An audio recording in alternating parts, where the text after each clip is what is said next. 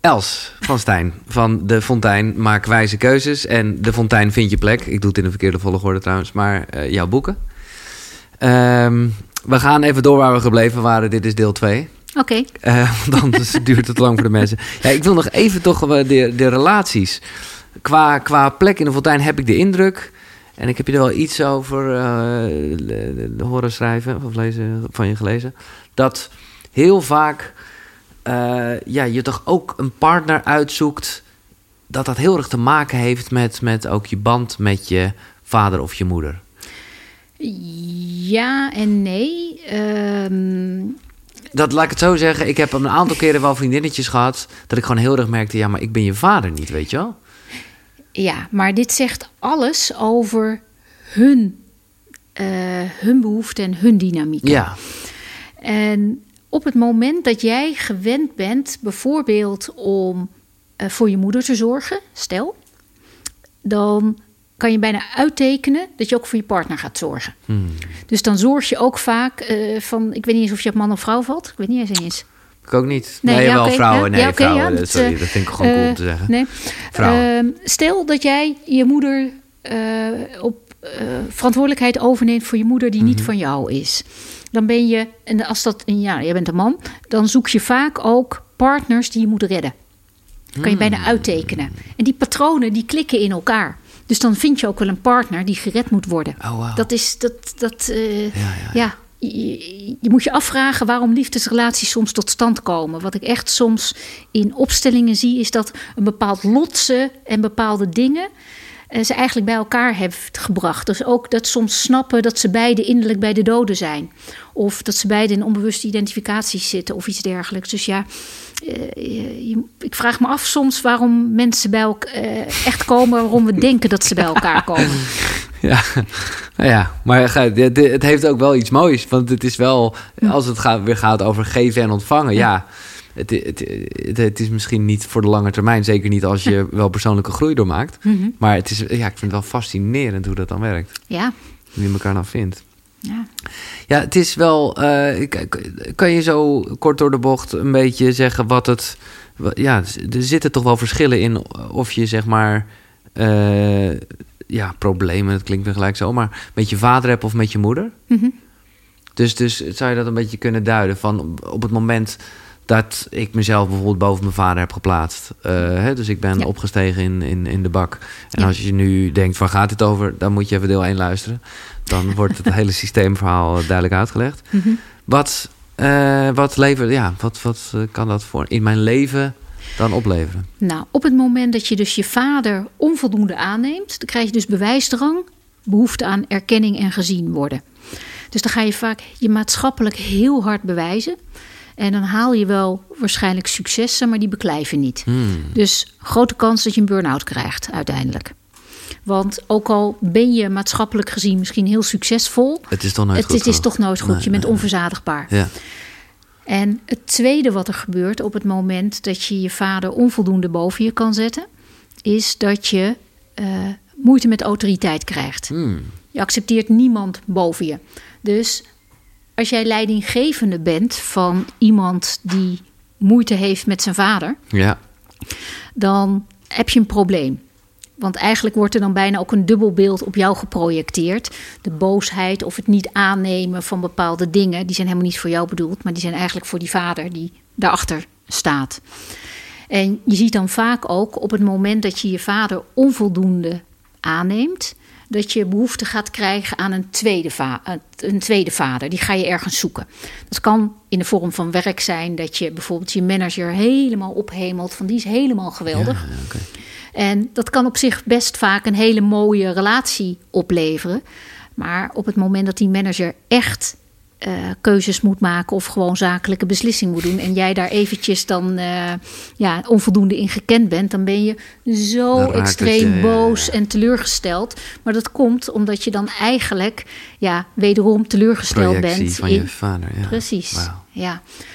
En wat ik ook zie, iedereen die zijn vader onvoldoende echt stevig boven zit, zich heeft gezet, die wordt vaak heel spiritueel. Oh, Maar dan wel eh, extreem zweverig. Oh, Je hebt een aardse spiritualiteit en je hebt een hele zweverige.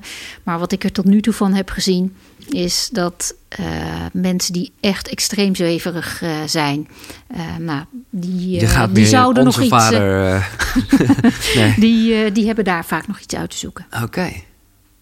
Hmm, fascinerend. En, en op het moment dat je juist met je moeder... Ja. Nou, dan zie je dus eigenlijk dat je moeite krijgt om je, je echt te verbinden in relaties, waar we het al net even Ja. over hadden. En wat ook gebeurt, is dat groepen je energie gaan kosten. Want een groep eh, wordt vaak op een onbewust niveau gezien als de ogen van je moeder. Toen ik in een eh, Hmm. lang verleden nog op een bepaalde manier voor mijn moeder zorgde. In de praktische zin zorgde zij nog voorbij. Maar Ja, ja, eh, ja. diep van binnen zorgde ik voor haar door heel lief en braaf te Omdat zijn. ze overbezorgd was. Ja, precies. Ehm, als ik dan in groep kwam, zag ik eigenlijk altijd van die bezorgde ogen van mijn moeder. Van, dus ik ging heel hard voor die groep werken om het goed te maken. Dus ik nam veel te veel verantwoordelijkheid op mijn schouders. En als je hele kritische ogen van je ouders, van je moeder, nee, met, nou, het is dus je moeder Ja, bij moeder, groepen. ja. Als je, als je moeder heel kritisch voor je gevoel naar je keek, dan kijk je ook naar een groep en dan denk je ook dat je die hele kritische ogen ziet. Maar de vraag is of dat echt zo is. Op het moment dat het namelijk lukt om af te dalen naar jouw plek in de fontein en je kan je moeder eh, daar Boven, ja. eh, zetten, dan wordt een groep een stelletje individuen. En met het ene individu heb je gewoon wat meer connectie dan met een ander. Ja. Maar dat heeft gewoon met je waarde Dat te is, maken. ja. eh, maar ogen van een moeder, die zijn bedreigend. Die zijn spannend. Dus je ziet dus op het moment dat je je vader of je moeder niet voldoende boven je kan zetten, door wat voor reden dan ook, of dat je voor ze zorgt, opstijgen 1 zoals ik dat noem, opstijgen 2 omdat je een oordeel hebt, of opstijgen 3 omdat je een onbewuste identificatie hebt, Ja. Ehm, dan sta je dus om wat voor reden dan ook boven je ouders, dan gebeurt dit. En daardoor moet je dus alles op eigen kracht gaan doen, want je staat dus niet op jouw plek in die Nee. fontein. En was dit ook, eh, dat denk ik wel, want ik voel, ik, ik voel heel erg dat het toch met mijn moeder. eh, dat, dat, nou, was dit ook als je zakelijk gezien eh, niet zo goed beslissingen kan maken? Was het ook je moeder? Ja, ehm, het, het bizarre is, en we kunnen het gewoon nog steeds niet verklaren waarom het zo werkt, maar we zien dat het zo werkt. Ehm, dat op het moment dat je je eigen bedrijf hebt en eh, ZZP-schap en dat soort dingen, die gaan aanzienlijk soepeler lopen op het moment dat je je moeder beter boven je kan zetten Ja. in de fontein. Het is echt bizar wat er dan gebeurt. En op, op het moment dat mensen eh, eigen bedrijven gaan opzetten, dan eh, zeg ik vaak van nou, we gaan toch nog even een opstelling doen. Dan zet ik het bedrijf erbij, maar ik zet ook stiekem even de moeder erbij. Ja, ja, ja. Even kijken hoe, hoe daar daarnaar gekeken. Precies. ja. Ja. Nee, ja, dat, dat mogen duidelijk zijn. Eh, het is gewoon, of je nou wil of niet, gewoon super belangrijk hoe je je vader en moeder ziet en eh, al dan niet je broers en zussen. Ehm, eh, even random, maar dat vind ik gewoon interessant. Wanneer, wanneer bedacht je de link met de fontein? Ehm, Want je noemde al de naam van Bert Hellinger en, Ja. en op zich het, het, het, het familiesysteem verhaal, ja. Ja, ik, op een gegeven moment, eh, nou, ik ben dan coach. En eh, op een gegeven moment, eh, nou, begin je heel simpel, ben ik ook als gedragstrainer begonnen Ja. op vaardigheidsniveau. Nou, krijg je een hoop opgelost. Want als je niet goed met elkaar kan communiceren, ja, dan eh, ontstaat er ook heel veel gedoe. ja. Dus als je leert om goed met elkaar te communiceren of aan te geven wat je behoefte is, in plaats van te verwijten dat de ander jouw behoefte niet ziet zonder dat je het eh, hebt eh, benoemd, nou, dan kan je best wel wat oplossen. ja. Maar daarmee lukt het niet om alles op te lossen. Nou, dan ga je een slagje dieper. Van, eh, Waar komt het vandaan? ja, dan, eh, goh, dan kom je op overtuigingsniveau. Van, ja, als je denkt van ja, eh, ik, ik ben ook niet slim. Heb ik ook heel lang over mezelf gedacht. Eh, ehm, ja, dan is dat ook een self-fulfilling prophecy op een bepaalde manier. Gaat dat ook weer worden. Dus nou, moet je een beetje op dat niveau gaan, gaan werken. Nou, daar kan je vaak ook hele goede dingen doen. Maar dan zie ik nog steeds dat bepaald, bepaalde hardnekkige patronen niet doorbroken worden. En iedereen heeft wel eens pech. Of dat het niet goed gaat, of dat Mhm. een relatie niet lekker loopt. Maar als je dus altijd weer mot hebt met autoriteit. dat patroon, je eh, ja. altijd eh, geen relaties in stand kan houden. Dat je altijd extreem schuldig voelt. Als je al in je tweede, derde burn-out zit. Ja, dan weet je gewoon, dan moet je dus op een ander vlak gaan zoeken. Ja. En zodoende ben ik dus steeds dieper gaan graven. Tot ik op een gegeven moment door had: hé, hey, maar hardnekkige patronen in je huidige leven kan je terug herleiden naar je systeem van herkomst. Dus toen ben ik in aanraking gekomen met eh, het, eh, de, de mooie inzichten allemaal van Bert Hillinger. En ook mensen die daar ook weer op door hebben borduurd. Maar ik had nog steeds onvoldoende taal om met mensen eh, daarover te praten. ja. Want ja, ik, mijn, mijn doelgroep is toch het hogere bedrijfsleven over het algemeen. En ondertussen heb ik natuurlijk steeds meer ook van familiesystemen, Ja, ja, ja. ook nu in mijn praktijk. Maar als iemand dan zegt van ja, ik vind groepen altijd zo spannend. Als ik met de Raad van Toezicht moet praten, dan verstar ik helemaal. En, eh, of ik heb altijd mot met die bazen dan eh daarboven. Ja, dan moet ik het toch echt wel in, eh, in het familiesysteem zoeken. En ook een cursus presentatietechniek voor, om, om die angst over groepen te overwinnen, ga je dan niet oplossen. Dus zodoende ben ik, moest ik taal hebben om hen naar zo'n familiesysteem te gaan herleiden. Dus ik ben begonnen met een, eh, een waterval, want ik hou gewoon van water en al dat soort Ja, dingen. stromen, dus ik ik ben gaan. En, maar dan lulde ik mezelf vast. Dus op een gegeven moment eh, kwam ik eigenlijk met die fontein met verschillende bakken. Ja. En, ja, en toen iedereen snapt dat, wat verantwoordelijkheid overnemen die niet van jou is. Ja. Iedereen snapt wat een oordeel hebben en uit verbinding gaan is. Ja. En zodoende ben ik op die manier, Mooi. ja, is die binnengekomen. En toen had ik cliënten die zeiden van, ja, we hebben er zoveel aan, waar kunnen we daar meer over lezen? En Nou, toen, en toen ben ik een handout gaan schrijven voor mijn cliënten. En die is een beetje uit de hand gelopen. Nou ja, zeer positief, ja. En hoe, de, de, de term viel al net een beetje. Hoe spiritueel ben je eigenlijk? Want het is, er zit natuurlijk een hoop onverklaarbaars in. Ja, Wat eh, ook prima is, want het geldt voor vele dingen in ons leven. ja. Maar hoe, ik zou bijna zeggen, hoe zie jij de allerbovenste fontein? Wie, wie, eh, wat is het bovenste glaasje? Ik weet het niet. Ik, ik zie het al zoals ik het. mm, Ik vind het weer woord spiritueel sowieso een moeilijk woord.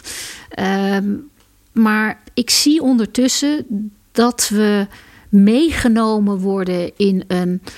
Eh, ja, een soort natuurkundige wetten. Ja. Zo, zo zie ik het eerder. Ja. Die we nog misschien niet helemaal kunnen duiden, maar die er wel zitten. En Ehm, en of je dat spiritueel noemt of christelijk of wat dan ook, ben ik ook niet. Ik ben wel van oorsprong christelijk opgegroeid, maar ondertussen heb ik dat ook. eh, Mhm. ehm, ik zie meer van, we zijn veel meer verbonden met iets wat we niet kunnen snappen. En dat zie ik dus altijd weer in opstellingen ook terug. Dat is dus die methode om, Ja. die, om onzichtbare patronen zichtbaar te maken. Daar zie ik soms echt inderdaad van ook collectieve trauma's, van slavernij, wat soms in families nog steeds doorwerkt. Van, ik had pas geleden had ik een opstelling waarin in, een, ook een slavernijverleden was, maar in die familie zat zowel de kant van de slaven zelf als ook dat ze zelf slaven hadden, Oh. slaven hadden geronseld. Dus, Ja. dat, dus daar zat ook heel veel verwarring en, en heel veel angsten zaten in dat, in dat systeem. Ja, dat werkt drie, vier generaties. Kan dat gewoon nog doorwerken op bepaalde eh, manieren. Ik heb een keer in een opstelling eh, gestaan waarin ook een, een pand op de Herengracht, of nee, het was niet de Herengracht, een van de grachten in Amsterdam, ik weet even niet meer welke.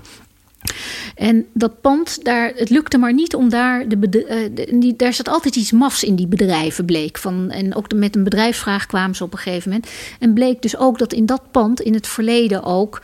eh, nou, hele goede dingen tot stand waren gebracht... maar ook hele akelige dingen op het gebied van de slavernij.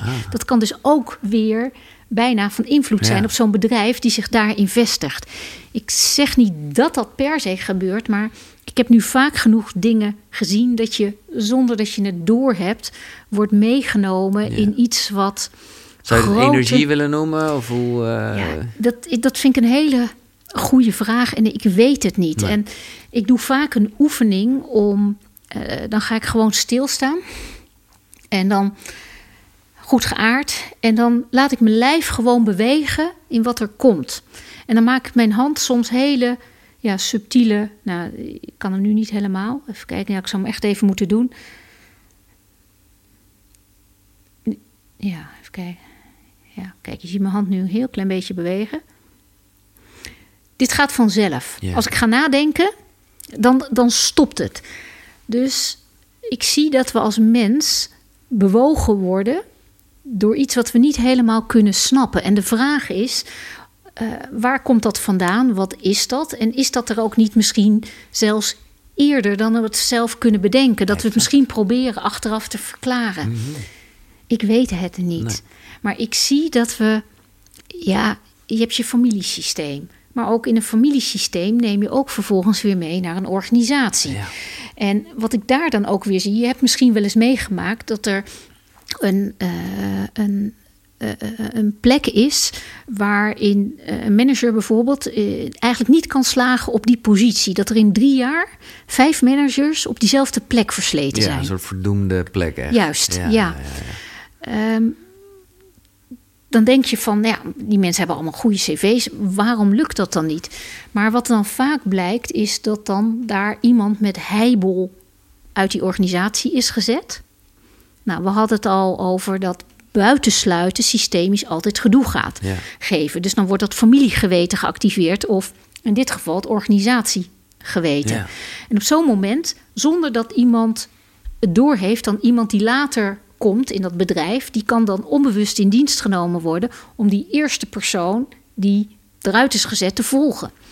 Dus dan word je daarin zomaar in meegenomen en dan heb je het niet eens door. Nee, kijk, want sommige dingen zijn heel logisch. Ja. Die ook zo werken met het organisatiegeweten. Dat als er echt ja, iemand wordt ontslagen of gewoon wordt weggepest en iedereen weet daarvan, dan, eh, ja, dan voel je ook heel vaak, tenminste dat heb ik zelf ook wel eens meegemaakt, dan is alles ontwricht. Ja. Omdat iedereen weet dat dat gebeurd is. En ja, wat is dit dan eigenlijk voor een bedrijf, weet je wel? Mhm. Eh, maar jij zegt eigenlijk, net als met het familiegeweten, soms hoef je daar niet eens van op de hoogte te zijn dat dat gebeurd Juist. is. En dan word je dus meegenomen. En eh, of er worden ook bepaalde plekken in organigrammen gecreëerd die helemaal niet kloppen. Want een, een bedrijf heeft een organigram. Ja. Ehm, De oprichter die kan je is altijd bovenaan. Oh, precies. En, maar in een bedrijf zit ook een fontein. Ja. Maar een fontein is niet, de organigram is niet per se het, de fontein. Oh, zo, want bovenin ja, ja, ja. zit inderdaad de oprichter. Misschien en zijn die lang weg. Of, eh, Precies. ja. En je ziet heel vaak van, soms zit er een zo'n high potential die heel graag, eh, nou, die klaargestoomd wordt voor de directie. Die zit nog in het managementteam eronder. En die, die moet naar de directie en, Ja. eh, uiteindelijk. En, en die willen ze ook heel graag hebben. Alleen die positie die is nog niet beschikbaar van de directie. Nee. Die gaat stel over twee jaar met pensioen. En dan is deze persoon de beoogd opvolger voor die persoon. Nou, deze persoon die wordt soms, eh, omdat hij meer wil, wordt er een adjunctpositie gecreëerd. Gewoon het organigram. Je zet er een Ja, hartje erbij. precies. En dit zijn de personen die dan na een paar maanden bij mij in wanhoop in mijn praktijk komen en zeggen dat ze al hun zelfvertrouwen kwijt zijn, want ze lijken niets meer voor elkaar te krijgen.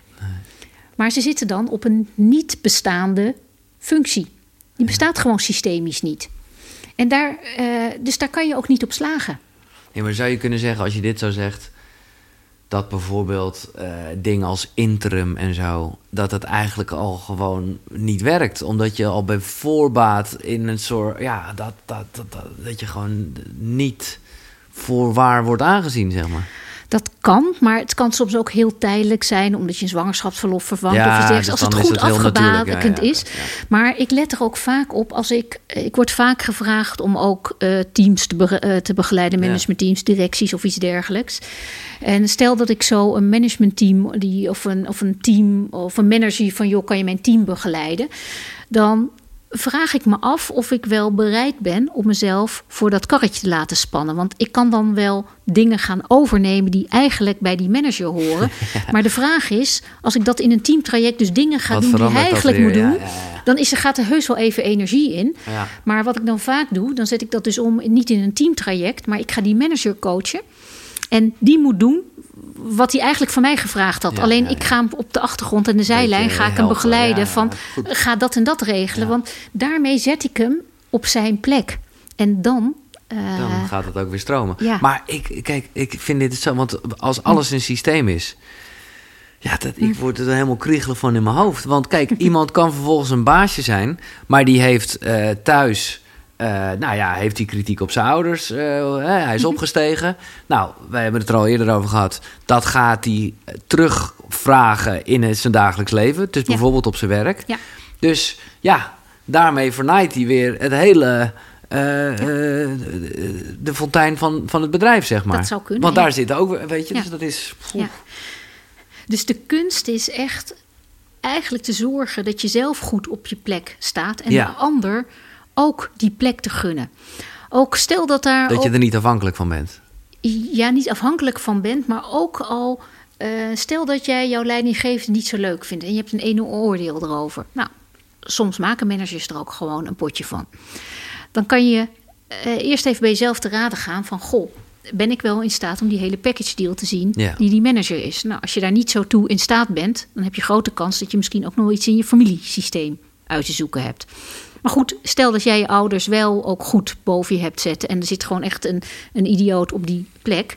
ja, dan kan je wel uh, een, oordeel erover hebben. Alleen dan kom je weer erboven te staan. En dan ga je het hele systeem ja. scheef zetten. Dus je, het enige wat je kan doen is dan feedback geven. Ja. En, want dan gun je de ander nog ja, steeds de plek. Dat is ook naar je ouders toe. Dat is wel goed. Dat hebben we niet zo besproken. Maar feedback geven aan zich mag wel. Absoluut. Geen kritiek, dat nee, is dit. Precies. Maar feedback van Ja. dit en dit uh, is zo is het gegaan. Dit komt op mij zo over. En het effect op mij is dit en dit. Ja. Begrijp je dit? Dus dit is feedback. Ja. Dus, dus, dus daarmee Blijf je. blijf jij op jouw plek staan en komt de, blijft de ander daar staan. En dan hoop je dus dat die ander iets, of die manager, iets met jouw feedback gaat doen. Ja. En je kan ook eventueel grenzen stellen van als mensen rare dingen doen, dan kan je ook nog steeds zeggen van joh, tot hier en niet verder. Maar je gunt de ander dan nog zijn plek en jij komt op jouw plek. En dan blijft die fontein in theorie stromen. Mhm. En dan kan je eigenlijk drie dingen doen. Uh, of kijken wat je kan veranderen. Of er maar van gaan houden, zoals ik altijd noem. Dus try to change, probeer het maar te veranderen. Lukt dat niet? Nou, ga er dan maar van houden. Maar dan verlies je het recht om te mopperen en te Precies, klagen. zou ik niet zeggen dan. En anders moet je weggaan. Ja. En dan zeggen mensen wel eens van ja, maar ik heb een hypotheek en uh, ja, ik ben kostwinner, ik kan niet weg. Ja, dat is jouw verantwoordelijkheid. Dan mag je je werkgever nooit aan uh, uh, ja, uh, de schuld van geven dat jij jezelf vast hebt gezet in te hoge hypotheek. Nee, ik heb dat ook in een los aantekeningenboekje opgeschreven. Verander het, hou ervan of stop ermee. Ja. Het is sowieso, ik bedoel, we hebben het nu, uh, komt het zakelijk, uh, maar dit, dit, geldt eigenlijk ook wel voor het leven, zou ja, je kunnen zeker, zeggen. Ja, ja. Maar je hebt dus ook vaak, en dat, is, uh, dat zie ik dan ook ineens, begrijp ik wel meer hoe dat dan misgaat in, in nog eventjes de fontein vergelijking, van die mensen die gewoon zoveel verantwoordelijkheid op zich nemen. Mhm. En die eigenlijk, ja, die gaan dus letterlijk boven hun baas staan. En ja, dat zijn ook vaak mensen die dan helemaal overwerkt uh, raken. Dat je nog denkt, ja, uh, je deed het zelf. Maar dan, dat is eigenlijk ook weer een soort vorm van opstijgen. Dan kan je bijna uittekenen, even structureel werk van een leidinggevende of van een hogere bak opnemen. Dat Tuurlijk, moet soms gebeuren, ja. dat is geen enkel probleem. Maar daarna moet je weer de nederigheid hebben en de bescheidenheid om op jouw plek te gaan staan. Want het is arrogant om te gaan staan op een plek die niet van jou is. En ja. uh, nu ben ik even terug, sorry, wat... Uh... Nou ja, dat dus dat gebeurt, dat mensen die te veel hoop... Ja, gewoon, ja, maar dan kan je eigenlijk uittekenen dat die in het familiesysteem verantwoordelijkheid over hebben genomen voor een oudere broer of zus of voor hun ouders. Want als dat patroon zo hardnekkig is, ja, dan, dan blijf je dat doen. En je vindt het ook doodnormaal, want je Ja. weet niet beter. Maar je zou dus ook... Ja, dan moet je wel goede zelfkennis hebben. Maar je moet er ook wel bijna een beetje op hoe je weet dat je zelf bent. En dus ook een beetje hoe je zelf in je familiebak staat, zou je kunnen zeggen. Of je... Ja, dat, dat, dat, is wel slim om je baan daar een beetje op uit te zoeken. Ehm, Nou, ik bedoel te zeggen, als je gewoon weet dat jij eh, van nature iemand bent die, nee, in ieder geval met je ouders bent opgestegen en dus dat wel ga hebt. dan vooral je eigen bedrijf opzetten. Dat bedoel ik. Dat is veel handiger, maar zorg wel even dat je moeder goed boven je komt te staan. Ja, want anders kan je geen zaken doen. Nee. Nou, op zich, het, misschien kan je nog best wel een boterham verdienen, maar je blijft je leeg voelen. Mhm. En als je je vader niet goed boven je kan zetten, ja, dan krijg je wel een enorme drive om iets neer te zetten. Dus daarmee kan je ook weer heel veel goede dingen Ja, tot ja, stand ja. brengen. Alleen je motivatie kan veel zuiverder en veel ontspannender. Oké, ik, eh, ga, ik vind dat dat lang geduurd heeft. Ik ga even een kleine Ja. plasbreak doen. Ik doe, ik trek, ga het nummertje daarna trekken. en zou ik nog een beetje water of een thee mogen pakken? Ik wil het ook nog even hebben over het universele geweten. Ja, Want dat is, ja, ja, je zou bijna zeggen het almighty systeem waar we allemaal in zitten. En een aantal opvallende dingen daaruit, de- althans, het werkt precies hetzelfde als in het eh, familiesysteem. Dus bijvoorbeeld als het gaat over klimaat. Dat is een thema dat al eh, nou ja, jaren speelt en nog steeds. Ook daarin moet je dus vooral niet opstijgen om te zeggen dat je beter bent dan, eh, dan je voorgangers, dan, je, dan de ouderen. Ja, dat is dus het lastige. Ja. Van, überhaupt de fouten willen herstellen van de vorige generaties... Mhm. is eigenlijk al een opstijgen één. Verantwoordelijkheid overnemen die niet van jou is. Ehm, op het moment dat je ook nog een oordeel hebt van ja, ze hebben er een potje van gemaakt. En, eh, en er zijn ook bepaalde uitvindingen van eh, kernenergie. Die kan je ten goede kan, eh, kan je die gebruiken. Maar je kan die ook, kan je ook afschuwelijke dingen en Ja. wapens kan je daar Ja. eh, meemaken. Ehm, als je een oordeel hebt, dan ga je ook weer buitensluiten. Ja. En buitensluiten blijkt nu altijd dat systemische gedoe op te leveren, dat er dan onbewuste identificaties komen. Dus hoe harder je roept ergens, van dat iets er niet mag zijn, hoe harder ook weer op bepaalde momenten de voorstanders komen. En je ziet natuurlijk ook wel gewoon door de geschiedenis heen een bepaalde ontwikkeling van tijdsgeest van iets eh, van wat we vroeger doodnormaal vonden. Dat vinden we nu al belachelijk. Maar Ja. wat doen we nu? Waar gewoon over 200, Ja. 300, eh, 400 jaar gekeken wordt van jezus, eh, belachelijk dat ze dat deden. Maar net als met je ouders, ik bedoel, zet je er niet boven, accepteer het gewoon. eh, ja. Juist. Dus eigenlijk is de eerste zet van eh, verweer je niet. Zeg ja tegen wat er is.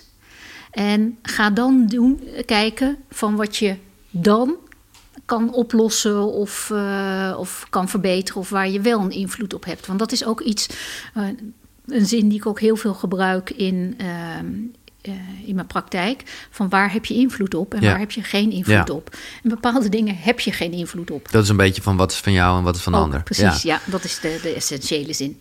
Maar ja, als dit zo diep zit, en dan, eh, dan hebben we het eerder gehad over hoe je in familiesystemen bepaalde trauma's ook een plek kunnen krijgen en zo. Dan, ja, dan zijn er een aantal dingen die door mijn hoofd heen schieten. Bijvoorbeeld, ja, racisme Mhm. is dan dus wel iets, ja, dat nog wel eventjes doorettert, zou je kunnen zeggen dan. Omdat dat gewoon, ja, eh, in vorige, generatie, eh, vorige generaties, ja, ja, ga ik me nu erboven plaatsen, maar ja, gewoon niet oké was. Ja, dit zijn zulke complexe dingen Ja. waar, eh, waar zoveel dynamieken op spelen. Dus daar vind ik het moeilijk om iets over te zeggen. Maar je ziet wel van ehm, alles wat buiten wordt gesloten, dat gaat zichzelf herhalen. En Dat wil die aandacht, om het zo maar te zeggen. Juist, ja. Dus ook hoe harder het er niet mag zijn, hoe harder het misschien er ook wel, Hmm. misschien ook wel weer komt. En we hebben ook nog zoiets als de dualiteit, de twee kanten van de medaille. Eh, Licht en donker, het, mag er, het moet er alle twee zijn. Precies. Ja. En de kant die je niet leuk vindt, dus licht en donker, schuldig, onschuldig, mooi, lelijk, eh, invloed, geen invloed, eh, eerlijk, oneerlijk. Ja. Ehm, wij zijn ook, eh, als mens hebben wij ook te, ben jij ook een stuk, heb je te maken met dualiteit. En je hebt altijd een voorkeur voor een bepaalde kant. En die kant die er niet mag zijn, die druk je dan als een bal Mhm. onder water weg. Maar die komt dan op een gegeven moment toch altijd wel een keer naar boven. En juist hoe harder het er niet mag zijn, Ja. hoe harder die andere Ja, kant daarom zich is die bal onder manifesteert. water is een waanzinnige Dus vergelijking. ook de mensen die. Je hebt ook heel veel mensen ook in, in, in relaties die het harmoniemodel eh voorstaan. Sta ik ook absoluut, eh, ben ik daar voorstander van. Maar ook aan de andere kant, clinch en eh, gedoe. Is ook nodig. Dat hoort, hoort Ja, er ook bij. ja, en, ja. Hoe hard, en eigenlijk de kant die je niet leuk vindt, die gaat zichzelf manifesteren. Ja. En vaak op een manier die je niet leuk vindt. Van een, een dierbare persoon bij mij in, in mijn omgeving, die is heel erg van het harmoniemodel. Dus daar mogen geen conflicten ontstaan. Nou, daar ontstaan juist conflicten omdat er harmonie zou moeten zijn. Ja, Dus zo zitten er zoveel dingen waar je als mens mee te maken hebt. Met het universele geweten, met ja, ook maar natuurkundige principes. Dat ook dat wat er niet mag zijn, eh, dat dat Mhm. er eh, zichzelf gaat manifesteren. En Jij, jij zit ook wel eens te filosoferen thuis op je stoel, weet ik wat. Mhm. Wa- De tijd waarin we zitten. Mhm. Dus corona. Wat heeft dat eh, voor een effect op het universele geweten? Ja, dat zijn. is een grote vraag. eh, ja, daar, Maar ik ben gewoon even benieuwd. Ja, Eh, ik Neem weet ons een niet. beetje mee. ik, ik, ik weet niet wat daar systemisch in zit. En Nee, maar ik kan me voorstellen. ik, laat ik er- eerste, als je gewoon heel simplistisch denkt, dan denk ik van. ehm, wat we slecht kunnen, is overgave aan wat is. We denken zo dat de wereld zo maakbaar Mhm. is geworden. En wij zijn natuurlijk met onze knappe koppen en alle intelligentie en alles wat we ondertussen uit hebben gevonden, wat we vroeger nog niet uitgevonden hadden, kunnen we ook een hele hoop oplossen. Maar aan de andere kant hebben we dus ook, eh, worden we soms zijn we ook gewoon overgeleverd. Als we ook die dualiteit hebben van invloed en geen invloed. Eh, de pest is er vroeger ook geweest. Ja. Er zijn eh, epidemieën en, die zijn, en pandemieën die, zijn, die horen bij kennelijk de wereld waarin we leven. En hoe harder we daartegen vechten, hoe meer energie eh, dat het er niet mag zijn en dat het allemaal belachelijk is en zo, hoe harder het volgens mij juist terugkaatst. Ehm, dus, dus vanuit de dualiteit denk ik van wat we nu zien van eh, dat we ons ook maar eens weer even geconfronteerd worden met eh, de andere kant van de medaille. Van even geen invloed hebben. Van er wordt voor ons beslist. We hebben even geen vrijheid. Ook bij vrijheid hoort ook de andere kant onvrijheid. Nou, en als die er dan ook weer een tijdje er mag zijn, ja, dan kan de andere kant lijkt dan weer meer Ja, ja. terug te kunnen komen. En ja, systemisch, ik heb er geen opstellingen mee eh, eh, gedaan over eh, Nee. dit soort maatschappelijke vraagstukken. Er zijn mensen die dat wel doen. En ik heb er ook een paar wel gewoon op beeld en dergelijke heb ik na kunnen zien. Ja. Dat inderdaad ook wel voorspeld werd dat er drie golven aan zouden komen. Dus dat heb ik ergens in de opstelling ergens ook wel gezien. Maar je weet niet wat dit is. Welke dynamieken. Dus daar durf Nee, ik geen uitspraken nee. over te doen. Maar denk jij nog, en dan zal ik ervoor ophouden, want het is inderdaad Ja. een beetje koffie te kijken, maar dat, dat zeg maar de angst die, nou ja, je zou kunnen zeggen nu in het hele systeem ongeveer, eh, nou ja, we aanwezig zijn, dat dat allemaal weer, Nou, ik wil het simpeler brengen. Eigenlijk, alles wat we nu zien van hoe iedereen ermee omgaat in zijn eigen eh, kleinere systeem, laat ik het Ja, zo maar zeggen. ja, Ehm, dat is een uitvergroting van wat er altijd al zat.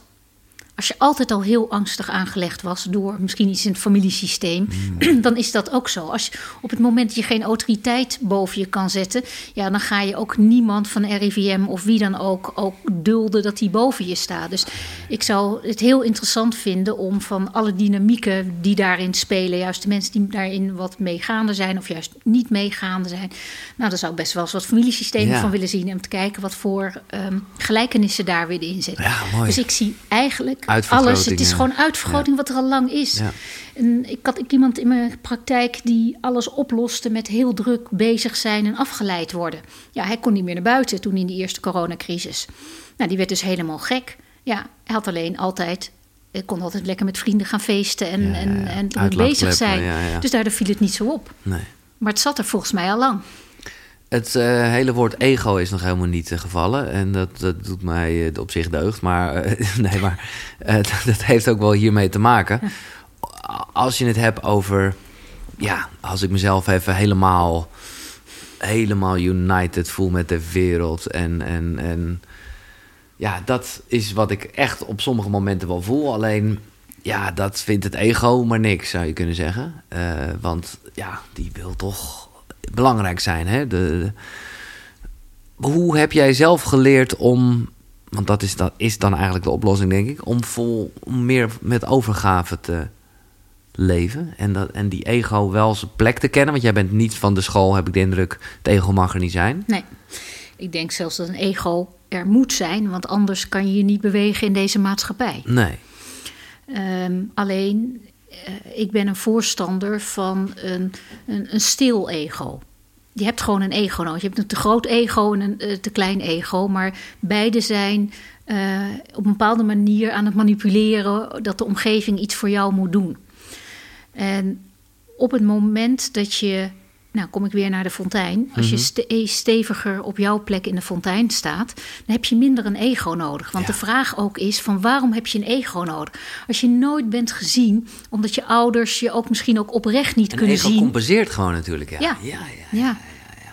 Eh, dan heb je je ego gewoon nodig om je staande te houden. Dan is het misschien ook wel een overlevingsmechanisme.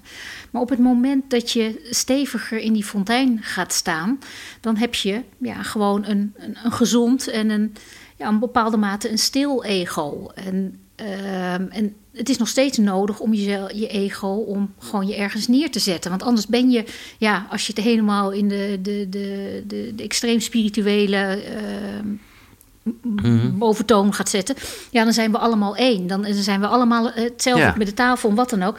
Ja, hoe kan ik dan in godsnaam in het leven staan zoals wij het leven kennen? Dus je hebt ergens een, een voertuig nodig om je mee te vervoeren. Nou, dat is je ego, zoals ik het zie. Ja, ja, ja.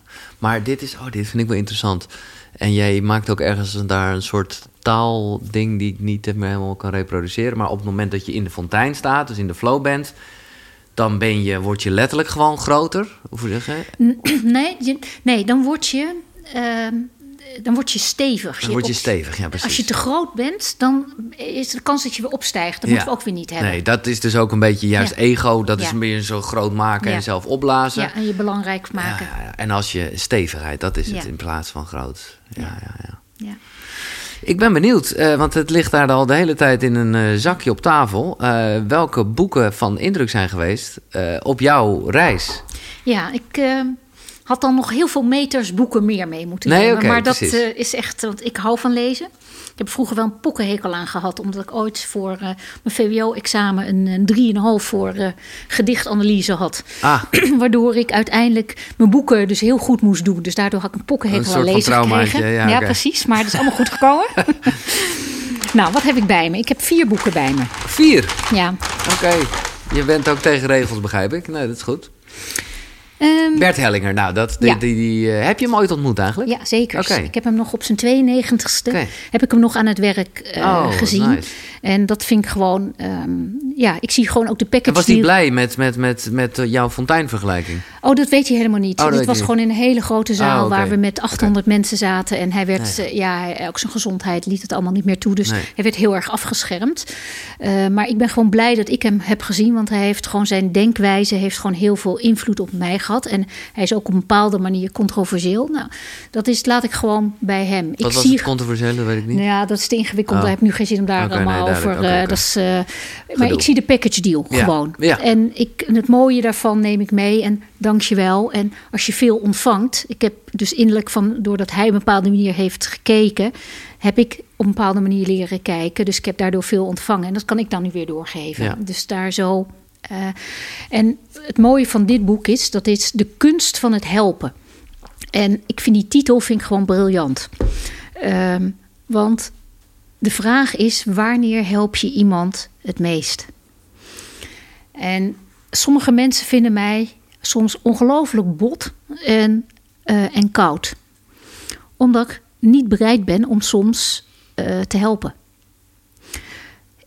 Ik Waarmee je indirect natuurlijk wel helpt. Juist. Maar dat, maar dat moet ik dus uithouden. Ja, ja, ja. Dat andere mensen dat dan op dat moment voor me vinden. Maar wanneer help je iemand het meest? Soms moet ik iemand gewoon maar iets heel confronterends zeggen. Zelf laten voelen. Juist. En dan vinden ze niet leuk. Dus, dus de kunst van het helpen. En daarin staan gewoon ook een aantal regels van wat, zoals hij het ziet van wanneer je iemand helpt. En een van de dingen die ik ook dan in mijn boek ergens ook nog wel weer benoem is: je kan alleen maar geven wat je hebt. Ja. Als je niet, eh, je, je- veel veel mensen geven wat ze niet hebben. En daardoor gaan ze compleet kapot, gaan ze in de burn-out. Ja, ja, ja. Je kan alleen maar geven wat je hebt. Dus daarom vind ik dit een heel mooi boek. Duidelijk. Dus dat is de eerste. Ja. Geven, de kunst van het helpen, Bert Hellinger, ja. Ja. Nee, ik zit nog even over dat geven, want dat vind ik wel mooi. eh, dat, dat schrijf je ook ergens. Er zijn ook van die mensen die gewoon heel veel geven. Mhm. Eh, en ik vond het wel mooi dat jij daar omschrijft dat dat dus gewoon niet verantwoordelijk is. Ja. En dat is wel even, ik denk dat het, nou, ongetwijfeld een aantal luisteraars denken: oh ja, maar hoezo? Ik vind dat gewoon fijn om te doen. En ja, Ja. ik mag toch zelf weten dat ik veel geef en ik help daar veel mensen mee. En Absoluut. Maar je kan pas geven als je veel ontvangen hebt. ja, En anders loop je leeg.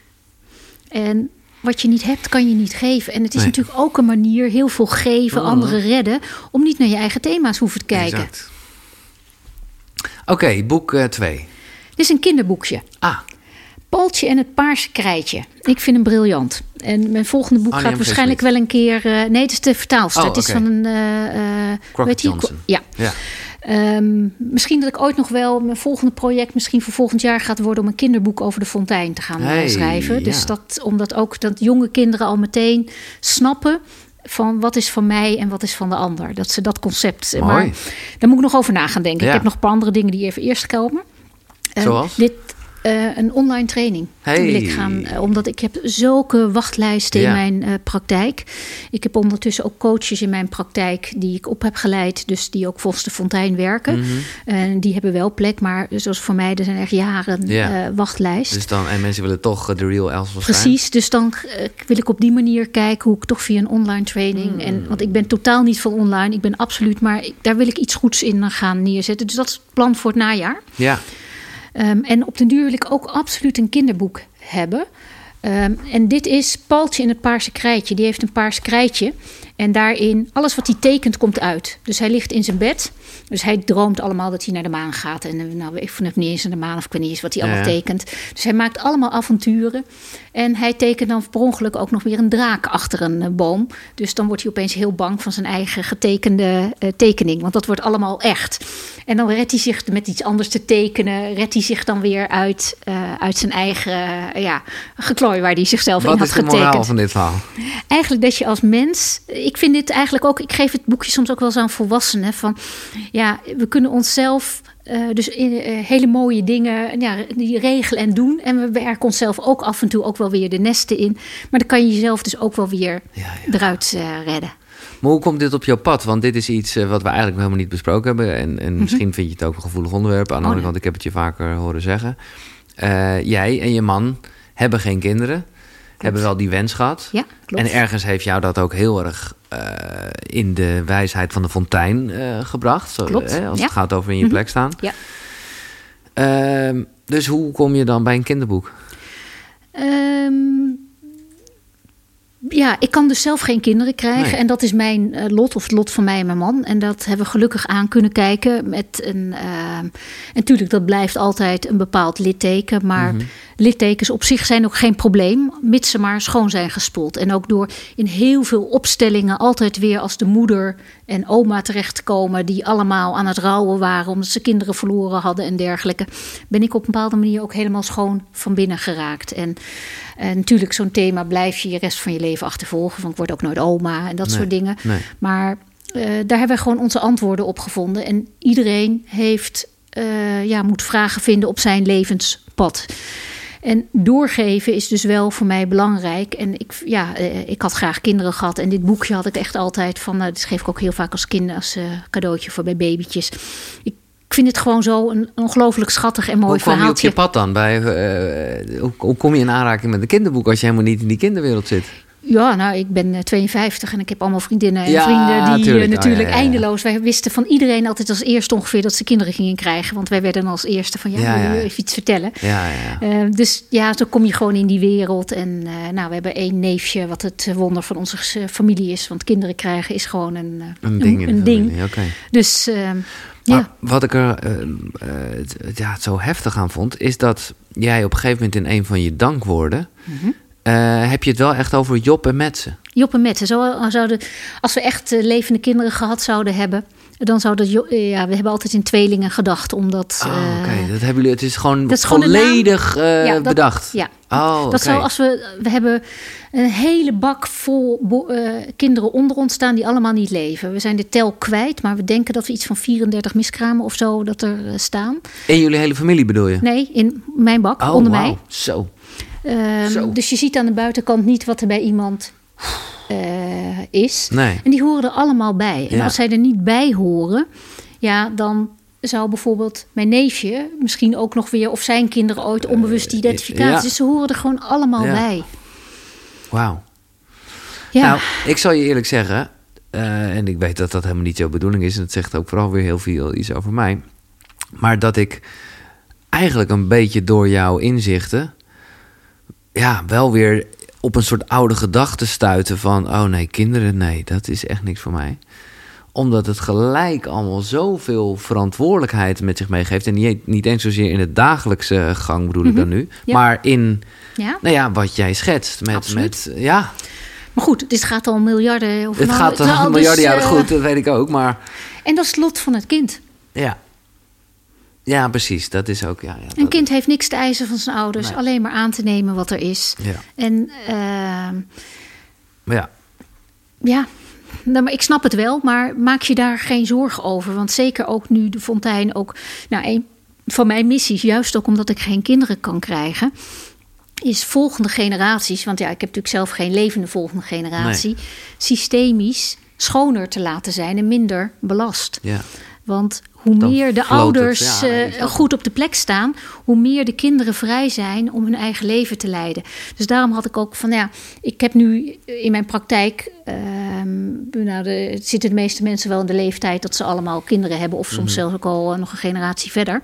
Ehm, ja, hoe vroeger de kinderen ermee in aanraking Ja. komen, Ja, hoe meer. eh, dus daarom heb ik van, nou, ik wil op een bepaalde manier de fontein als een kinderboek ooit gaan verwerken. Mooi idee. Maar ehm, het is er nog niet. En heb je, omdat jij ook heel goed weet hoe het systeem werkt... en je zou bijna zeggen hoe het ook niet werkt... eh, namelijk, hè, we hebben het heel erg gehad over de bloedlijn... of, ze, of je nou je ouders er wel of niet... eh, of je weet wie ze zijn of dat ze er nog bestaan.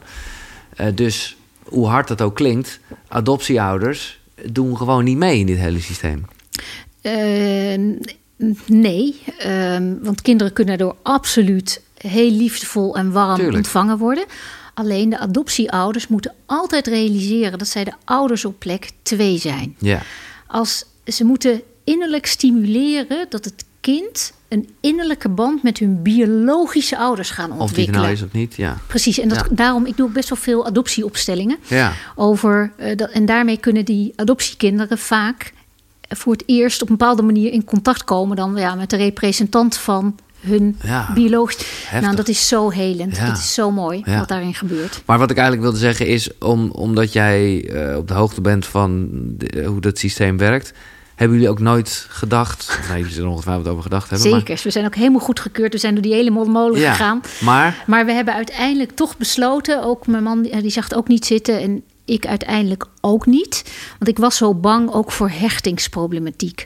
Die eerste paar levensjaren zijn gewoon van een kind extreem belangrijk. Ehm, Als de eerste paar jaren goed zijn gegaan, en zeker met ook de biologische ouders, en daarna is iemand getraumatiseerd, dan blijkt iemand redelijke kans eh, ja, ja. door te komen. Maar Ja. op het moment dat het daar mis is gegaan, dan blijkt het herstel heel, heel moeizaam te gaan. En ik was verschrikkelijk bang dat we dan iemand een, aan tafel erbij zouden hebben waar ik niet in contact mee zou kunnen Ja. komen. Dus toen hadden we van, nou dan gaan we maar eh peetouders eh, zijn. Ja, ja, ja. Eh, we gaan maar allerlei dingen doen die we niet kunnen doen op het moment dat we kinderen gehad zouden hebben.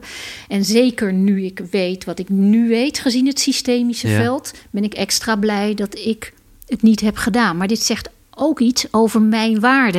Met vrijheid waarde, en alles. ja, ja, ja. En als andere mensen er andere keuzes in maken, moeten ze dat vooral doen. nou fijn dat ze dat doen, want daardoor... Eh, ja, nee, precies. en wel systemische principes daarin Ja, eh, ja. eh, in oogschouw houden.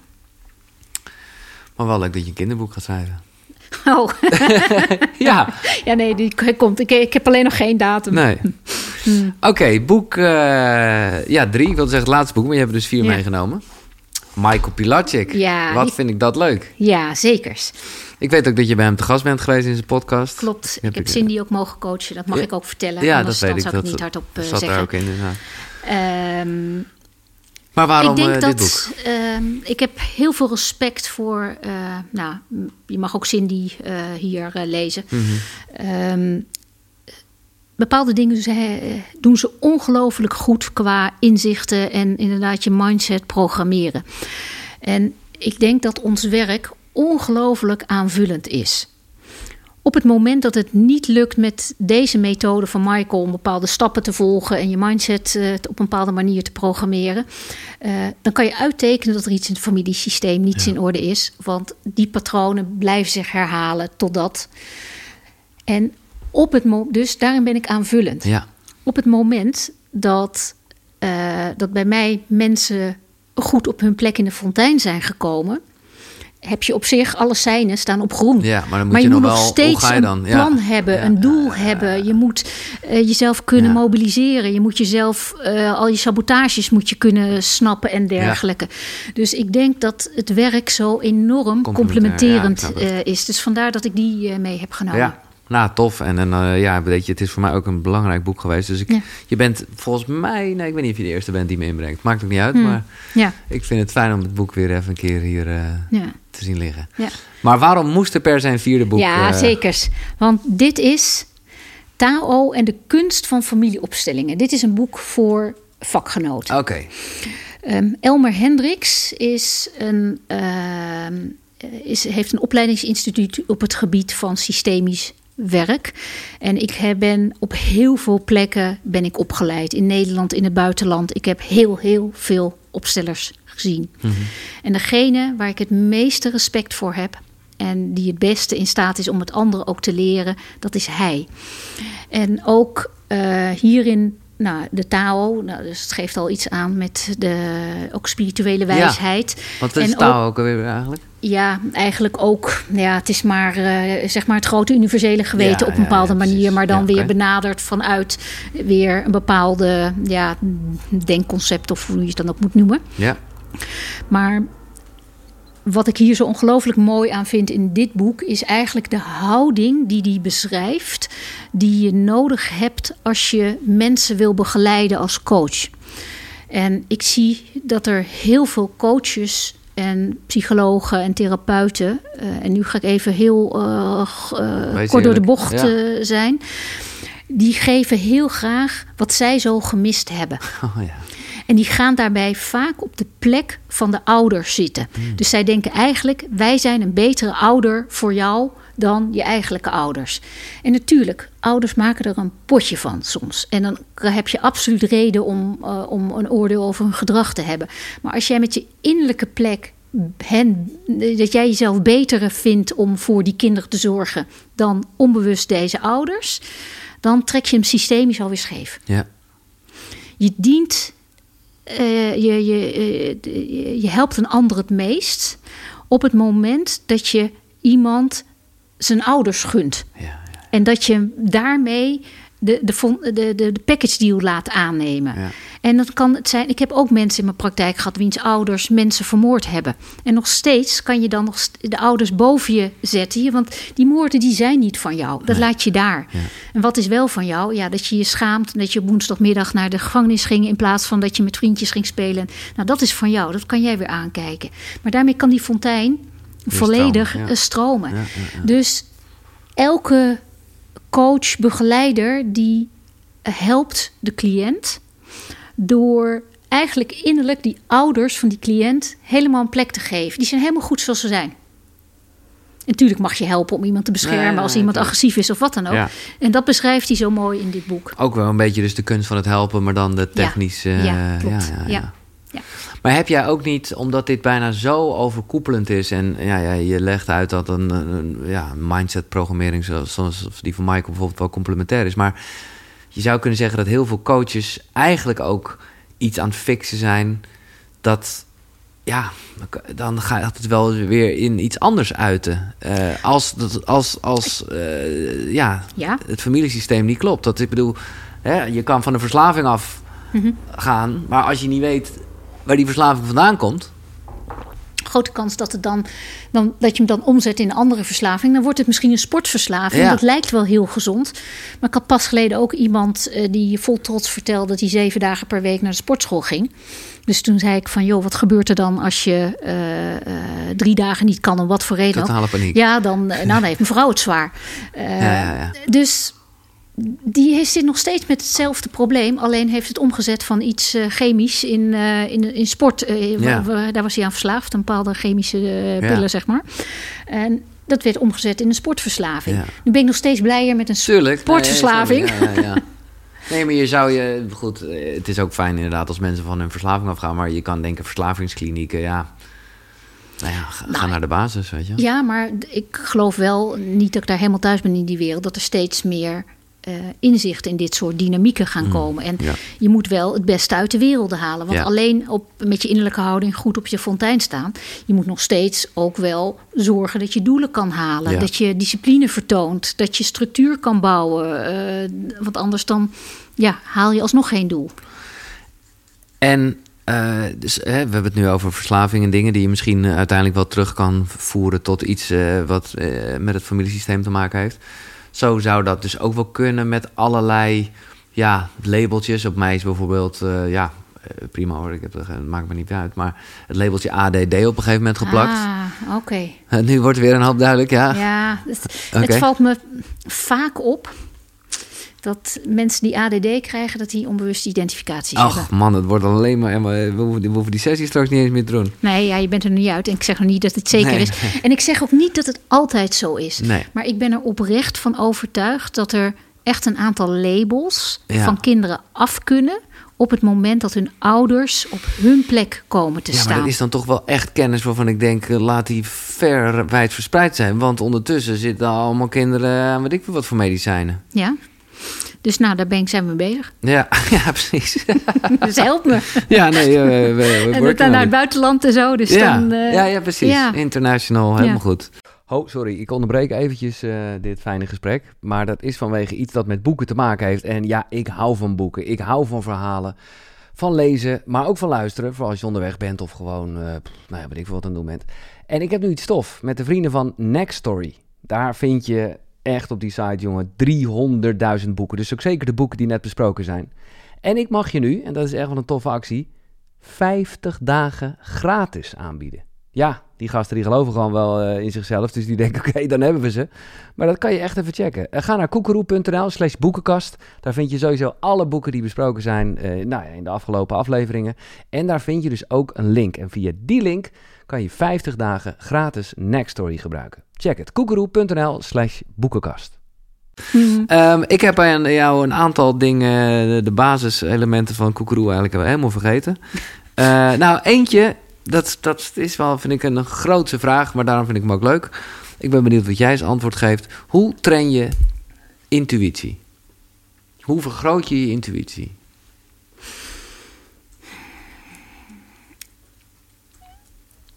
Intuïtie vind ik best een ingewikkeld begrip. Van wat is het nou? Ja. Eh, dat noem ik ook wel een containerbegrip. Want ja, de een verstaat er dit onder, de ander verstaat er dat onder. Ehm, eigenlijk zie ik dat je intuïtie traint door jezelf steeds leger te maken. Door los te laten wat niet waar is. Ehm, Ik merk doordat ik tegenwoordig steeds beter in die fontein sta. En ik, ik stijg ook af en toe heus wel op. Maar daarna lukt het me gewoon weer om, om af te dalen. ja. Ja, precies. Ja. Ehm, dat ik, en daardoor steeds meer thema's heb aangekeken. Op bijvoorbeeld mijn kinderloosheid. Van, nou, dat ik gepest werd omdat mijn ogen natuurlijk alle kanten op zitten, eh, zaten. En de, nou, eh, zo, Ja. ja. zo heeft iedereen allerlei butsen en builen opgelopen in het leven. En ehm, door eigenlijk dat volledig eh, aan te gaan. En zowel dus rationeel als ook emotioneel. Dus je wordt eigenlijk tussen mij en de omgeving. Er wordt steeds minder ertussen gezet. Ja. Aan sluiers, aan misslagen, zoals ik dat eigenlijk noem. Waardoor ik steeds zuiverder kan kijken. En omdat we toch zo verbonden zijn met alles wat groter is dan ons, krijg ik eigenlijk steeds zuiverder dingen door. En nu geloof ik absoluut niet dat ik paranormaal ben of iets dergelijks. En ik weet soms dingen, als ik met cliënten bezig ben, die ik niet kan weten. Ja. Die ik dan toch, dan zeggen zij van, nou, dit was een ongeluk. En denk ik van, nee, dit was moord. Eh, dus dan weet van, ja, waarom weet ik dit? Ja, dat mijn lijf, van, ja. omdat het, maar dat is, is ook pas gekomen doordat ik steeds, ja, steeds zuiverder van thema's ben, waardoor ik meer in het hier en nu kan staan. Mhm. En daardoor is ook mijn hier en nu niet zo vervuild door allerlei beelden uit het verleden die over het hier en nu staan. Dus daardoor, dus intuïtie is voor mijn gevoel gewoon scherp waarnemen. Ja. Alleen je moet je waarneming, ja, Helemaal clean hebben. van, precies, ja, ja, of steeds cleaner. ja. Dat, eh, dus ja, hoe train je dat? Dus eigenlijk is het, is het, het, het loslaten van alles wat jou nog vasthoudt. Wat je eigenlijk aan, eh, aan oude beelden, aan angstdingen of juist voor de toekomst, dat Ja. los te laten. Ja. Ja, maar dat vind ik eh, oké. Als we het hebben over de toekomst loslaten. Kijk, je hebt toch, eh, je hebt toch wensen. Ja, zekers. En ik weet dat eh, op een gegeven moment heb je het ook eh, het verschil tussen een eis en een wens. Ja. Ja, maar dat is, dat is ja. Ik heb ook wensen. Ja, En, en zoals mijn echtgenoot eigenlijk altijd zegt, en het kan net zo goed anders. ja, precies. Dat is het verschil tussen een eis en een wens. Tuurlijk, ik heb ook wel een richting welke kant Ja. ik op wil. Maar ik ben niet meer zo enorm doelgericht. Van ik wil per se dit of ik wil dat of Echt zus. alweer ik ga uitgaande van, gewoon. het is nu goed. het- ik, ik, Ja. ja. eh, eigenlijk is de wereld mooier dan ik had durven dromen. Mooi. Ik krijg uitnodigingen en ontmoetingen die ik, eh, ja, die ik anders niet gehad zou hebben. Ehm, en daardoor komen er steeds weer nieuwe kansen en mensen of wat dan ook op mijn pad. Ja. Waardoor, ja, dat had ik niet kunnen bedenken. Nee. Dus ik heb eigenlijk bijna te klein gedroomd. Als ik kijk van wat er nu gebeurt op dit moment in mijn leven. Van dat ik echt dagelijks mail krijg van mensen die ik niet ken. Dat hun leven door Ja, die ja. boeken op een andere... Ja, dat daar iets goeds gekeerd en goed is gekomen. Dan denk ik van wauw. Van ja, wat ben ik daar ongelooflijk dankbaar voor dat ik dit mag en dat ik dit kan. En... ehm, dus natuurlijk wil ik een kinderboek schrijven en ik wil nog eh, online. maar en ik, maar ik, voor hetzelfde geld komt er even iets nog veel mooiers tussendoor. Ja. Ehm, en ik vertrouw er tegenwoordig ook op, nu ik redelijk stabiel in die fontein sta, dat op de juiste momenten de juiste dingen zich wel aandienen. Ja. En dat is nu ook gewoon, sinds ik eh, ja, redelijk stabiel sta, ehm, blijkt dat steeds. Ja. Dat ik echt op de juiste momenten, ja. Nee, vol het. overgave Ja. vol vertrouwen ook. Ja. Ja. En tuurlijk, het zit mij ook niet altijd mee. Eh, Maar dan heb ik ook van, ja, dan, oké, auw, hoe voel ik dat? In mijn lijf even voelen, ademhaling er naartoe. En dan ga ik ook wel weer verder. En natuurlijk kan ik soms ook vloeken en denk echt van, nou, ik ben helemaal niet eh, spiritueel of eh, wat Nee, dan maar ook. jij voelt dus ook gewoon wel goed je lijf en zo. Hè? Ja, dat Ja. is, ik bedoel, eh, dat is mijn, mijn, mijn motto Ja. van Koekeroe is niet zozeer beter worden, of en niet zozeer je beter voelen, maar beter worden in voelen. Hm. Voelen, juist, ja. En dat is, nou ja, ik, we hebben het over een gatenkaas gehad en zo. En als ik jou dan zo hoor, ja, dat jij ook dus ook echt een emotie ergens in je lichaam kan voelen, begrijp ik? Ja, zeker. Absoluut. Ja. En zelfs al, al een heel vroeg stadium. Ook gewoon dat ik heel snel al dingen voel. Hmm. Al heeft ook nadelen, want je voelt ook heel pijntje of alles. Maar eh, ja. Ehm, eens even kijken. Ga ik die vraag aan jou stellen? Ja, dat ga ik nu al doen. Nee, ik ben gewoon benieuwd. En misschien heeft het helemaal niks mee, maar dat heeft ook heel erg te maken met gevoel, namelijk en emotie. En heb jij ervaringen met tantra? nee, Nee. nee, Heb je ervaring met ayahuasca? nee, Nee. nee. En ik ken uiteraard mensen die dat allemaal gedaan hebben, ook in mijn praktijk. Ja. Eh, nou, ik heb natuurlijk ook de podcast met eh Wichert Ja, eh, van Eindbazen en dergelijke. Ehm, en eigenlijk alle mensen die dat doen, ehm, die krijgen het bepaalde dingen toch niet blijvend opgelost. Nee. Het Dus- inzicht alleen is niet genoeg. Juist, ja. Hmm. En, en daar doe ik dus vaak toch nog opstellingen mee. En iedereen moet vooral zelf doen wat hij denkt dat daarin goed is. Ja. Iedereen loopt zijn eigen pad. En, eh, Zekers. ja, dat, ehm, Ja. Ik geloof zelf alleen iets. Ik zou het zelf niet doen, laten we het zo formuleren. Ehm, maar mijn weg is niet iemand andermans weg. Nee. En als het werkt voor iemand, dan werkt het voor iemand. Ehm, dus nee, daar heb ik eigenlijk zelf weinig ervaring eh, mee. Je noemde net al even ademhalen. eh, en, het begin van het gesprek, which is een paar uur geleden... eh, begon je zelf al eigenlijk over je ochtendroutine. en dat is een, een ritueel in dit ge- gesprek. Ik ben heel benieuwd. Wat is het ochtendritueel van Els van Stijn? Nou, niet zoveel. Oké. Nou ja, ehm, ik ben niet zo'n ochtendmens. Als ik moet kiezen tussen eh, ochtendmens en avondmens, ben ik een maar avondmens. gaat er een wekker? Of ben jij zo Ja, vrij... zeker. Nee, Nou ja. nee, ik heb gewoon cliënten. Ja, maar goed, En vrijheid is een eh, kernwaarde van jou. klopt. Dus misschien Nee, maar dat moet na ik dus- twaalf.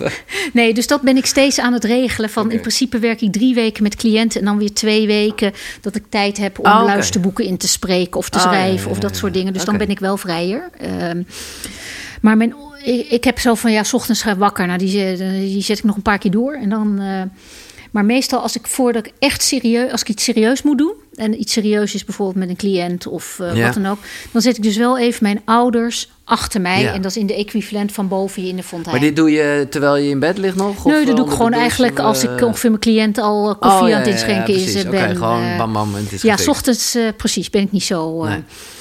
Ehm, mijn avondritueel is wel Hmm, anders. Oké. En dat doe ik eigenlijk al sinds 1997. Dat ik, ik was in die tijd, ik woonde in Amsterdam. ehm, ik had een heel druk leven, in de, in de goede zin van het woord. Lekker aan het werk. eh, Dat was heel nog in je horecatijd, de hotelschool. Die, ja, eh, precies. Ik was ja. toen nog als manager werkte ik. eh, Dat soort dingen deed ik. En, ehm, en heel veel gezellige vrienden in Amsterdam. Dus ik had een heel druk leven. Ja. Maar het was eigenlijk, het ging zo snel dat ik bijna ongeveer vergat van wat voor leuks ik ongeveer de dag ervoor had gedaan. Mhm. Dus toen dacht ik van nou, hoe ga ik dit beter onthouden, dat, ik het, dat het beklijft. Dus toen ben ik eigenlijk begonnen met elke avond voordat ik ga slapen, noem ik de vijf mooiste momenten van de dag. Wauw. En dat heb ik, 97 doe je ja, en dat heb ik echt geen enkele dag overgeslagen. Dat kan ik niet overslaan. En daarmee sluit ik dus een dag uit met van, zelfs een klote dag zit nog iets moois. Maar dan Zelfs op een dag gewoon- dat ik definitief kinderloos geworden ben, dan zitten nog zulke mooie reacties van mensen en vriendschappen en een arm om je heen of wat dan ook. Dat, eh, dus dat is wat ik echt altijd. Ik heb echt serieus nog nooit een dag sindsdien. eh, Fantastisch. ja, Nou, dat is, ik, ik vind het ook een mooie, want het is hè, dat stukje dankbaarheid wat je ook vaak Ja. hoort.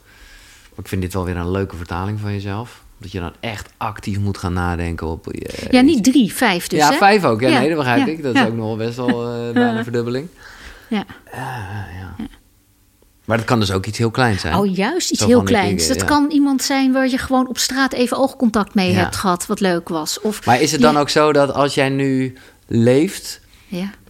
dat je dan als er iets leuks gebeurt of je ziet een vlinder voorbij vliegen, dat je dan al denkt, oh, dit kan er eentje voor vanavond zijn. Ja, zeker. Je moet er wel vijf zeker. namelijk, hè? Ja, maar eh, ik ga hem nog verder doorvertalen.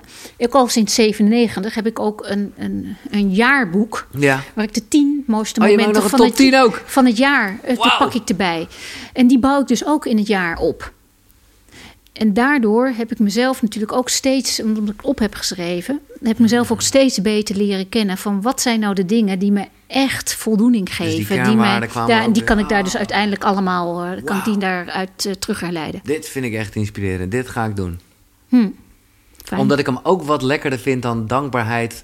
Ja, dat is, eh, misschien, ja, het voelt ook een nee, maar beetje... het kan ook zijn van... Ik heb me voor mijn tweede boek... heb ik me deze armband heb ik mezelf cadeau gegeven. Ja, je houdt van mooie dingen. Ik hou van mooie dingen. Ja. Nou, daar word ik ongelooflijk blij Ja, van. tuurlijk, top. Dus die komt er dan ook bij op ja, de dag. maar, heb die, ik- maar die vind ik te makkelijk, weet je wel. Eh, Nee, maar het, het dat- is, kan, het, Ja, nee, dat begrijp ik. Als je elke Eh. dag vijf, dan... dan eh, maar het kan ook gewoon een kop goede koffie zijn. Ja, die echt lekker het. is. Ja.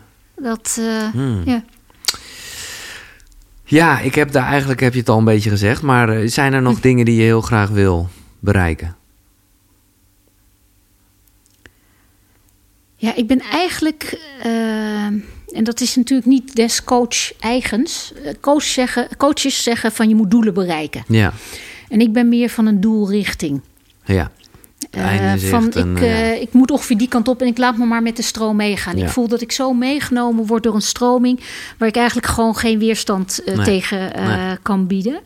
Ehm, nou ja, wat is mijn doel? Ehm, ja, eigenlijk is dat wel een stuk van mijn missie in mijn leven. ja. Volgende generaties systemisch schoner en minder belast laten zijn. En denk je dat, eh, voelt het alsof het zo is als je vergelijkt met toen je hiermee begon? Oh, absoluut. Ja, hè? Oh, zeker. Nee, top. ik kan. eh, als ik nu morgen, als ik nu onderweg naar huis er iets enorm misgaat, dan heb ik, ben ik absoluut helemaal eh, vervuld. Ja. En natuurlijk, ik heb nog heel veel dingen die ik natuurlijk ook zou willen.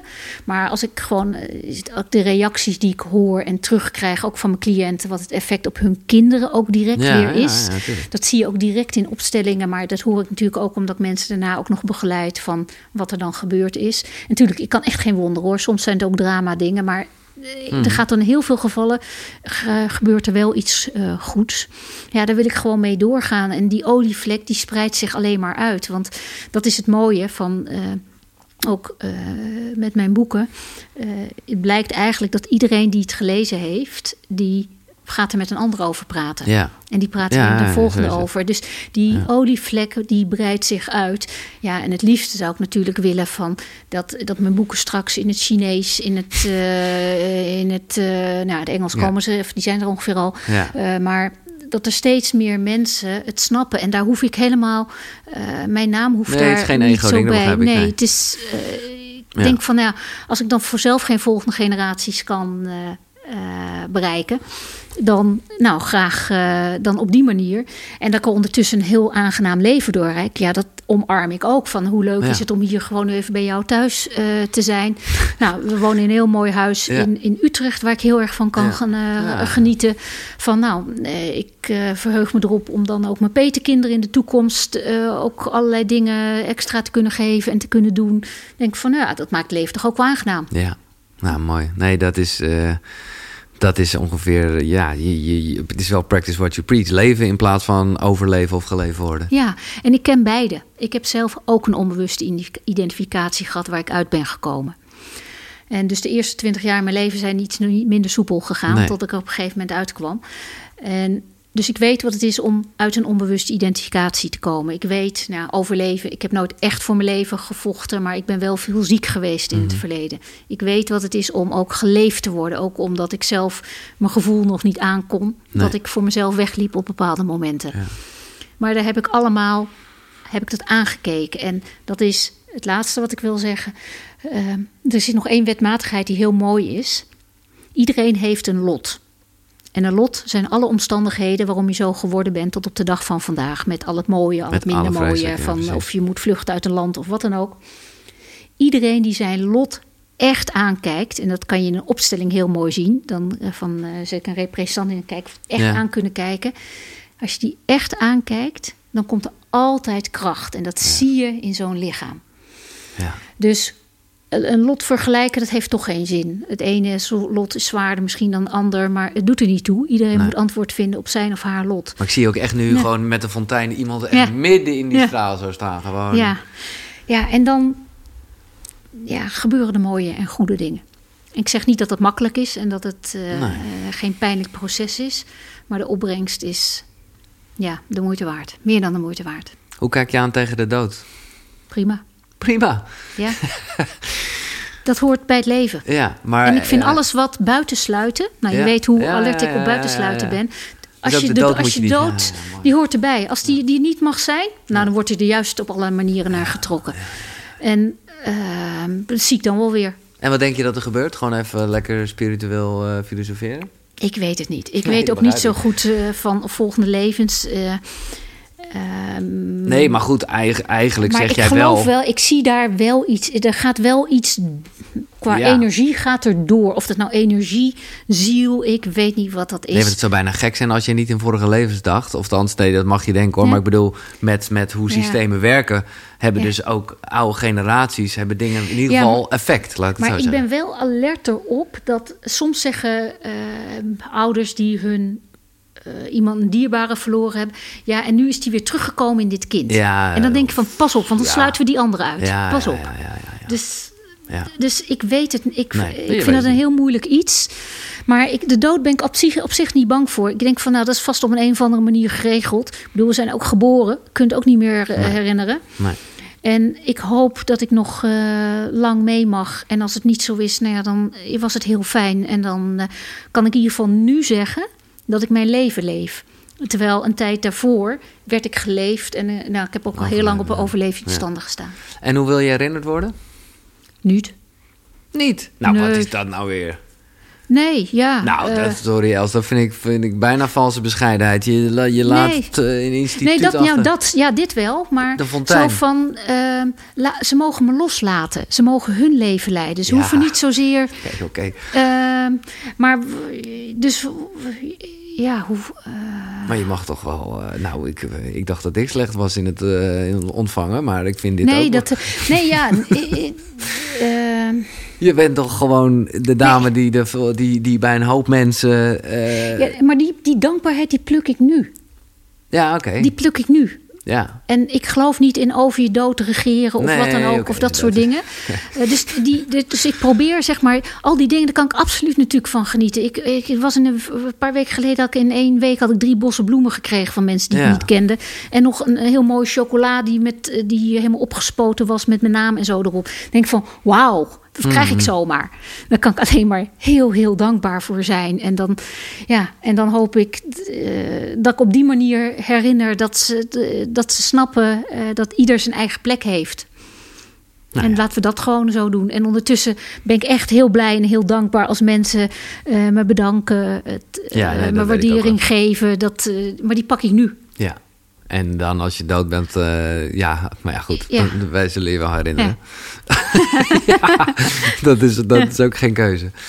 Oh, super dank Els. Ehm, Mm. Echt, eh, ja, nou ja, je had me al veel informatie gegeven met je boeken. En nu in het gesprek is mij nog veel meer duidelijker. En eh, ja, eh, heel persoonlijk ga ik graag eh, in op je aanbod om eh, eens even te kijken met wie ik onbewust geïdentificeerd Ja, ben. wellicht. Hou Wellicht. nog even ertussen. Ja. Nou, Ja. whatever. Ja. Bedankt. Heel graag gedaan. En nou, dank voor jouw openheid. Dat, eh, want het is ook gewoon mooi dat eh, mensen die ergens ook wel eh, ja, bekendheid hebben, een bepaalde Mhm. invloed hebben. Daar word ik, ik word steeds selectiever met wie ik omga. Want hoe meer ik mensen ook kan bereiken die ook op een bepaalde manier invloed Ja, hebben, ja, dan, ga, werkt olie, dat ja, daarom. Nou, dus dat is eigenlijk ja, zo is ik- waar ik mee bezig ben. En dat mag lekker doorgaan. Dus Top. dank voor deze uitnodiging. Els van Stijn Nee. van de Fontein. Eh, bedankt voor het luisteren. Ik hoop dat het allemaal een beetje te begrijpen was. En zo niet, eh, dan, eh, dan niet. Ja. Er is zo nog heel veel verkrijgbaar op de site. Oké. Koekeroe.nl. Dat is K-U-K-U-R-U.nl. Daar vind je eh, nou ja, allerlei andere, andere afleveringen. Ik ben wel echt benieuwd. Als je van de YouTube bent, laat het onder in de reacties. Doe een duimpje omhoog. Abonneer. eh, dat zou ik leuk vinden. En, dat vergeet ik altijd te zeggen, maar dat is heel belangrijk. eh, iTunes recensies. Waarom? Nou ja, dan zien meer mensen dat er een podcast is. En nou ja, hoe meer mensen bepaalde kennis hebben, hoe mooier het leven een beetje wordt. Dankjewel voor het luisteren. Tot de volgende zonnegroet. Hoi.